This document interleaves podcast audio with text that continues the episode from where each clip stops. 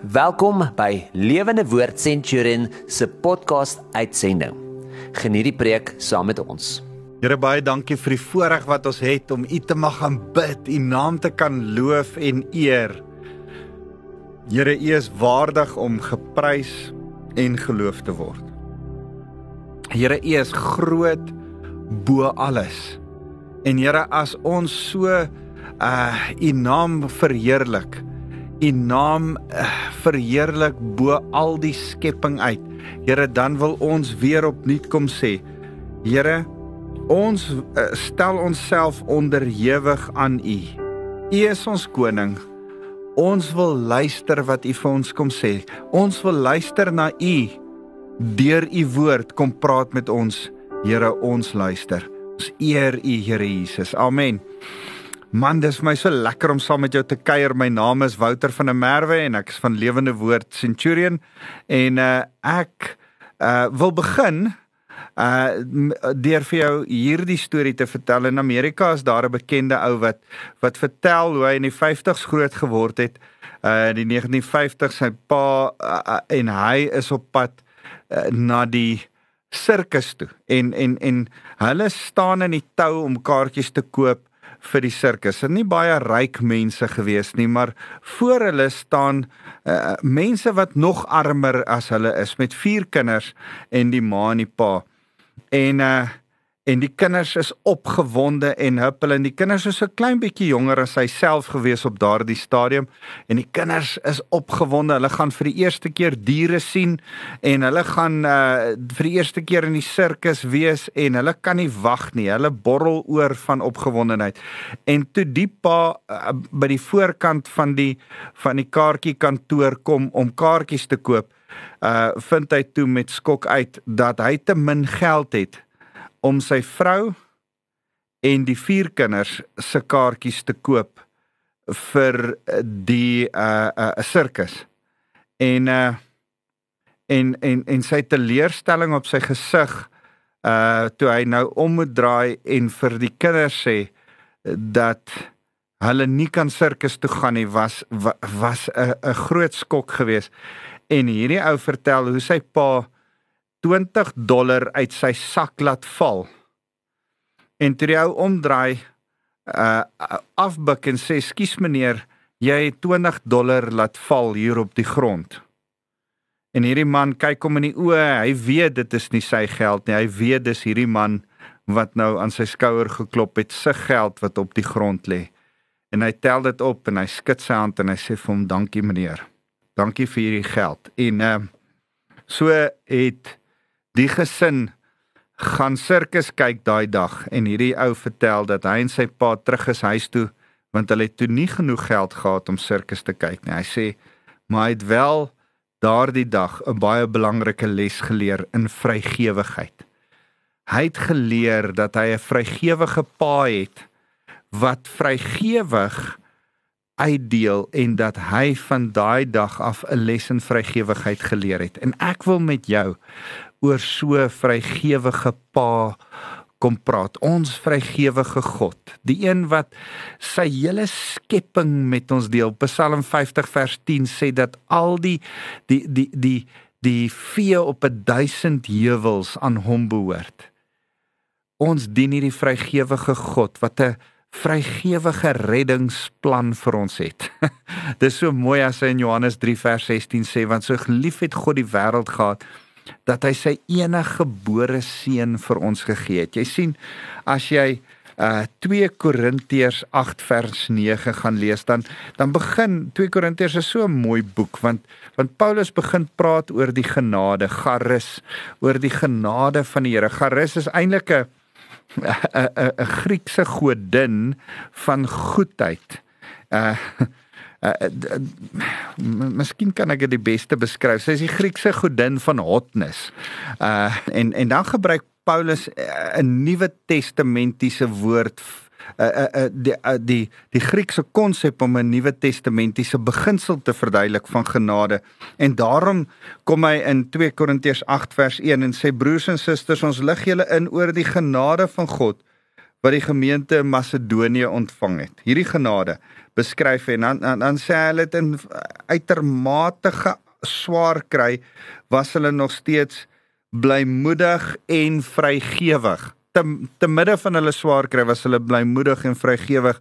En dan verduidelik hy hulle hoekom en dan kom hy eintlik by die rede uit hoekom hulle nog steeds blymoedig en vrygewig kon wees in hulle swaar kry vers 9 dan sê julle ken die ongelooflike goedheid die genade die charis van ons Here Jesus Christus alhoewel hy ryk was het hy ter wille van julle arm geword sodat julle deur sy armoede ryk kon word. Hy was ryk.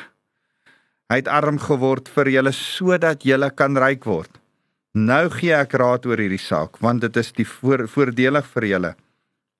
Julle wat nie net die eerste was om iets te doen nie, maar ook heel eerste gewillig was om iets te doen. Hy hy hy moedig hierdie gemeente aan en sê man, julle verstaan iets van die genade van die Here. Hy sy genade uh, is deel van sy vrygewigheid. Die die feit dat die Here alles in die hemel gelos het om in genade na ons toe te kom. Uh, hierdie hierdie tema van oorvloed en die Here se vrygewigheid in oorvloed loop van die Ou Testament reg deur tot in die Nuwe Testament. As jy dink as Jesus op die aarde verskyn, dan verskyn hy met 'n mentaliteit van oorvloed. Daar's oor as genoeg vir almal. Maar ons selfsug en ons gebrek aan denke dat daar oorvloed kan wees, veroorsaak suinigheid, jaloesie, oorlog. En en die Here sê nee nee, in my koninkryk is daar meer as genoeg. Man, die voeltjies hoef nie uh kos te soek en hulle self klere aan te trek nie. Daar's oor as genoeg in my koninkryk. Die Here beskryf dit oor en oor en oor.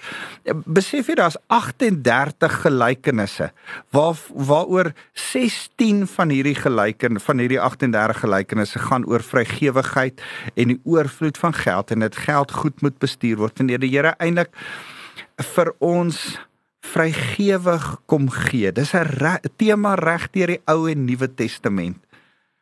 En dan sê die Here, ek wil hê jy moet so vrygewig wees soos ek. Die Here sê dit oor en oor. Hy praat oor en oor van van sy genade. Dis wat hy hier vir die gemeente van Korinte in 2 Korintiërs 8 kom sê. Hy sê dit so mooi in Johannes 3 vers 17. Ek lees dit vir jou. Iemand wat ryk is 1 Johannes 3 vers 17. Iemand wat ryk is aan die aardse lewensmiddels.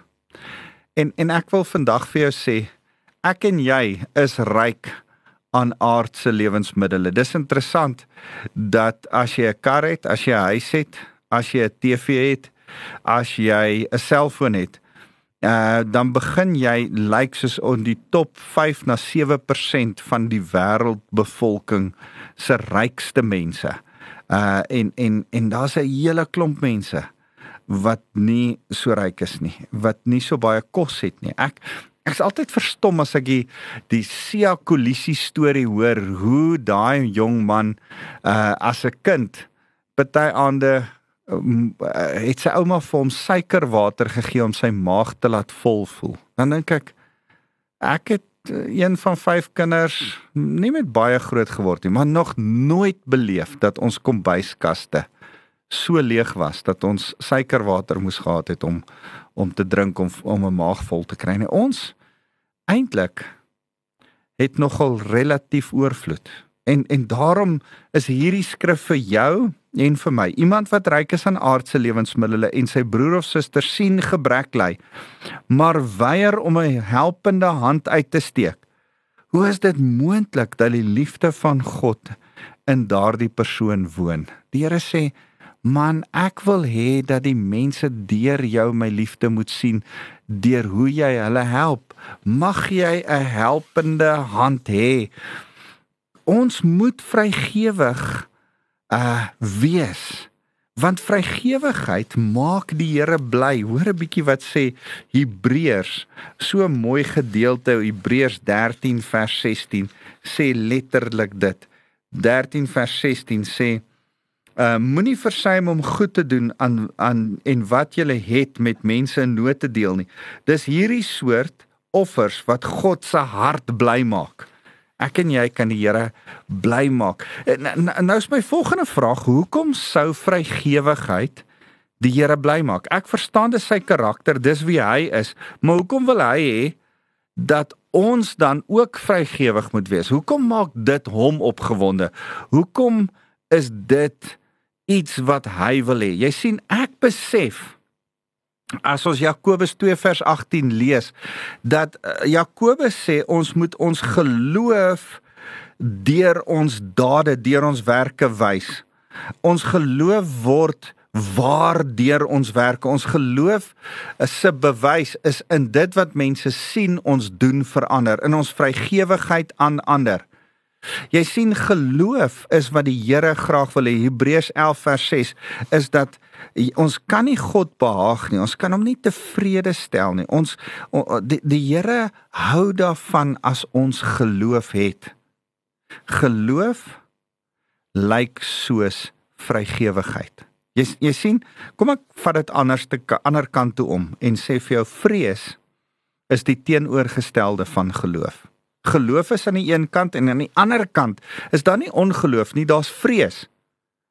En en en as ek geloof het en ek het vrees aan die ander kant, dan wil ek vir jou sê synigheid uh selfsug uh armoede van uitsynigheid ek sal net nou vir jou die skrif uh, wys dat hy sê dat synigheid het tot gevolg dat jy armoede het maar, maar hierdie hierdie synigheid en selfsug is 'n vleesreaksie van seer van erns in jou verlede waar daar nie genoeg was nie waar jy vrees het dat jy dalk weer nie genoeg gaan hê nie of dat jy erns iemand sien swaar kry het en vrees het en nou is jy 'n bietjie synig nou hou jy terug. Nou word die vrees 'n negatiewe geloof in iets wat dalk met jou negatief kan gebeur Maar jy sien, die Here hou nie van vrees nie, hy hou van geloof. Hy hou van ons wat sê, nee nee, ek het 'n vaste geloof dat die Here my bron is,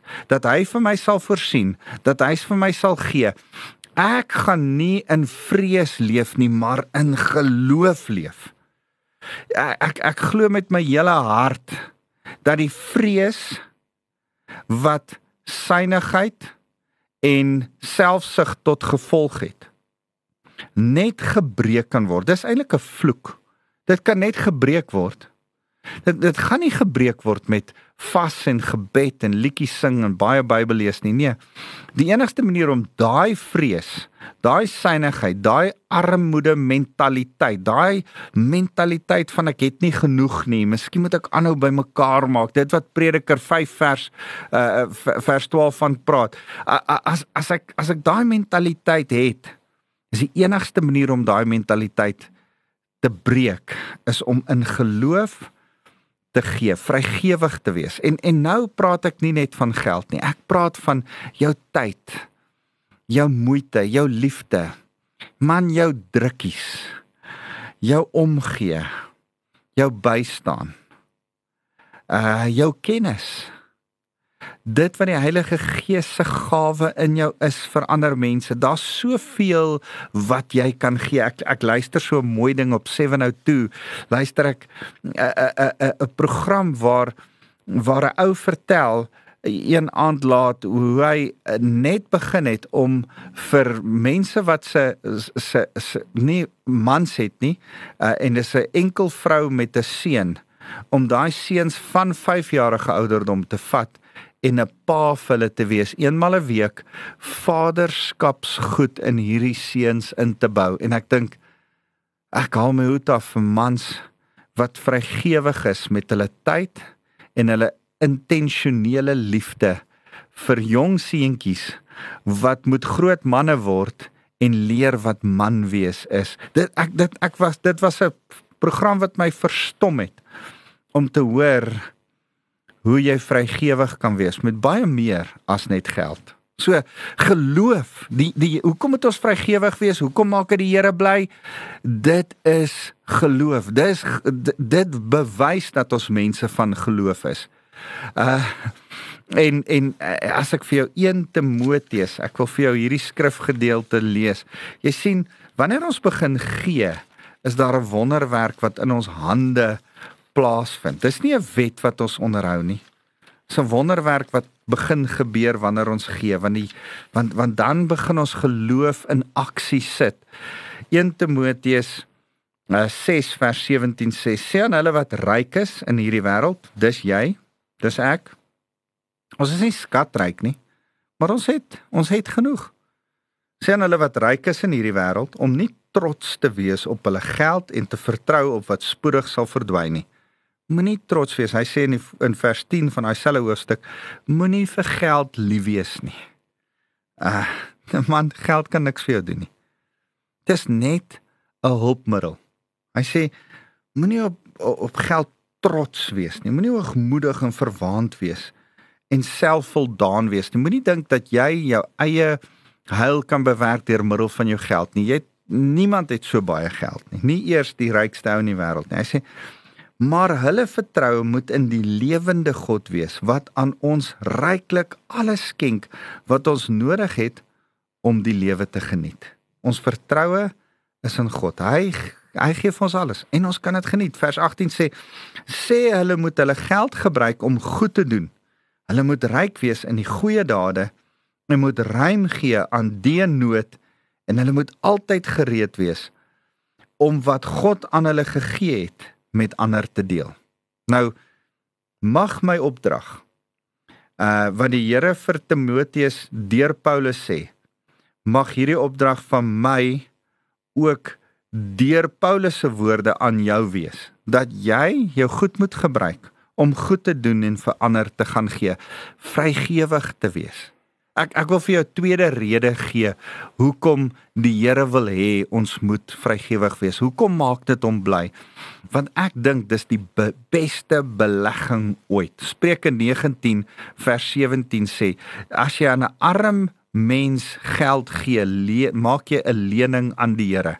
Dink net daaraan om aan die vir die Here iets te leen. As hy uh, by jou in die skuld is, dink jy nie dat hy dubbel en dwars op 'n verskillende maniere vir jou gaan terugbetaal nie? Ek dink baie keer ek wil pertinent sê, ek is nie 'n welvarende uh 'n prosperity teacher nie. Ek glo nie in die in die voorspoed teologie nie. Ek glo glad nie daarin nie. Ek glo daar is iets van 'n vrygewigheid want ons dien 'n vrygewige God. Ek ek glo daaraan dat ons vir die armes moet sorg dat ons die is met die mees vrygewigste hart. Ek glo dat uh ons weerspieël die Here se vrygewigheid. As jy hulle Filippense 4 vers 15 uh vers 18 en 19 gaan lees, dan kom jy agter Paulus het het amper niks. Hy hy verkondig die evangelie. Hy's nie skatryk nie en dan sê hy vir die gemeente van Filippense dankie. Dankie dat julle vir my geld aanstuur. Dankie dat julle my help. Dan sê hy in vers 18 op hierdie stadium het ek alles ontvang en meer as genoeg met wat julle saam Epafroditus gestuur het. Ek het alles wat ek nodig het. Wat julle gestuur het is 'n lieflike reukoffer waarvan God hou. God hou daarvan dat jy vir my gesorg het, sê Paulus. Is dit nie mooi nie? God hou daarvan dat jy vir iemand sorg wat nie baie het nie. En en en en as jy nou die die voorspoed teologie aanhang, dan dink ek, hoe kan jy Paulus verkeerd interpreteer? Paulus het nie baie gehad nie, want hy het sy lewe neergelê vir die evangelie. Maar tog het hy vriende gehad wat vir hom gesorg het. Vriende, hy het altyd meer as genoeg gehad. Hoor hom, hy het meer as genoeg. En dis waar ons moet wees, ouens. Eh, Spreuke 11, ek ek wil vir jou eh, sê hoekom hierdie die beste belegging is wat jy ooit kan maak en daarom wil ek vir jou Spreuke 11 vers 24 en 25 lees. Dis so 'n mooi gedeelte. Ek blaai gou soontoe. Spreuke 11:24 sê hierdie mooi gedeelte. Hy sê mense wat graag uitdeel, ontvang altyd meer. Daar is ander wat synig is en hulle word arm. Mense wat 'n ander iets gun, het self altyd oorvloed. Hulle wat ander se dors les, is self altyd verkoop. As ek hierdie vers lees van mense wat uitdeel, kry self, mense wat ander iets gen het oorvloed, mense wat ander se dorsles het self verkoeking. Dan dan dink ek daaraan dat ek en jy wat vrygewig is, net 'n kanaal is, net 'n pyp is van die Here se genade, van sy liefde, van sy goedheid, van sy uh, hulpbronne wat hy aan ander mense deur ons gee. Jy's net die kanaal. Uh, en elke keer as ek met 'n tuinslang in my hand staan, 'n kanaal, 'n pyp in my hand staan, dan dink ek die verstommende ding van 'n pyp is, die pyp kan ook nie anderste as om nat te word nie dit wat deur hom vloei seën hom ook. Uh, as jy alles deur jou laat gaan, maak dit jou ook nat. 'n uh, 'n uh, 'n tuinslang kan nie water aan die ander kant laat uitkom sonder om self sop nat te wees nie. Jy kan nie van die Here se goedheid vrygewe gee sonder homself ook te ontvang en altyd in oorvloed te hê nie. So dis hoekom dit een van die beste beleggings is. Dis 'n dis 'n goeie belegging as ek vir jou na een van my geliefkoeste gedeeltes toe vat, selfs vir jou kinders. Psalm 37. Man, ek hou van hierdie gedeelte en en ek wil nie vashak want ek kan nogal vashak by Psalm 37. Uh Psalm 37 sê dit so mooi. Hy sê in vers uh vers 25 ek was jonk en nou is ek oud maar regverdige mens wat verlate is het ek nooit gesien nie of dat sy kinders vir kos moes bedel nie. Hy leen altyd ruim skoots aan ander en sy kinders is tot 'n seën ek wil hê my kinders moet tot 'n seën wees. En daarom het ek vir my kinders gesê hy jy bedel nie eers vir 'n grappie op die hoek van die straat bedel jy nie. Jy bedel nie by ander mense nie want as jy bedel sê per implikasie ek's nie 'n regverdige man nie. Ek jou pa se regverdigheid se getuienis is daarin dat jy nie hoef te bedel nie, dat daar altyd vir jou oorvloed is, dat die Here jou seën want dis wat die Here doen. Kan ek vir jou sê, as jy vrygewige, regverdige mens, daar's 'n invloed wat jy op jou kinders en op jou geestelike kinders het. Daarom wees vrygewig soos ons goeie vrygewige God self is. Die die die die laaste een wat ek wil sê oor oor vrygewigheid, hoekom dit 'n goeie belegging is, Handelinge 20 vers 35 sê want uh, dis lekkerder om te gee. Paulus Paulus sê hierdie ding. Hy sê Jesus het gesê. Nou sê Paulus iets wat ons nie in die evangelies raak lees nie. Hy sê Jesus het gesê dis lekkerder om te gee as om te ontvang. Dis interessant. Dis lekker om te gee. Dis lekker om iemand se gesig dop te hou as jy gee. So ek wil vinnig vir jou sê hoe gee ek? Hoe is jy vrygewig? Daar is meer as uh genoeg geleenthede, maar 2 uh, Korintiërs hoofstuk 9 vers 10 tot 11 sê dat ons het saad Elkeen van ons het saad. Hoor wat sê die wat sê 2 Korintiërs 9 vers 10 tot 11. Hy sê God wat saad voorsien aan die saaier en dan brood om te eet, sal ook aan julle saad gee en dit laat toeneem en die vrugte van julle goedhartigheid lieflik laat groei. Jy kry in jou lewe saad en brood. Moenie jou saad soos brood eet nie. Die enigste manier dat saad meer kan word is is dat in die grond gesit word en dit groei. Dit vat geloof om vir arme mense te gee. Dit vat geloof om tyd of goed te doen. Ek ek dink altyd daaraan toe my kinders klein was en ek sit saam met hulle en ek hou 'n teepartytjie op daai klein plastiek stoeltjies, dan dink ek ah, ek mors nou eintlik tyd. Ek kon al 100 ander goed gedoen het. As ek langs 'n netbalbaan gestaan het, dan dink ek ek kon En dit was nie tydmors nie. Dit was saad in my kinders se lewe. Dit was geloof wat ek nou en en en dit wat ek daarin geploeg het se vrugte pluk ek nou nou dat my kinders in hulle 20's is en met my tyd wil spandeer al bly hulle ver. Kan ek vir jou sê sit saad in die grond. Hoor wat sê vers 11 in elke opsig sal jy ryk gemaak word om ook by elke geleentheid vrygewig te kan wees. Jy sal 'n pyp wees van vrygewigheid. as jy een of ander tyd saad in die grond eet, sit en nie alles opeet soos brood nie. Dis hoe jy vrygewig moet wees.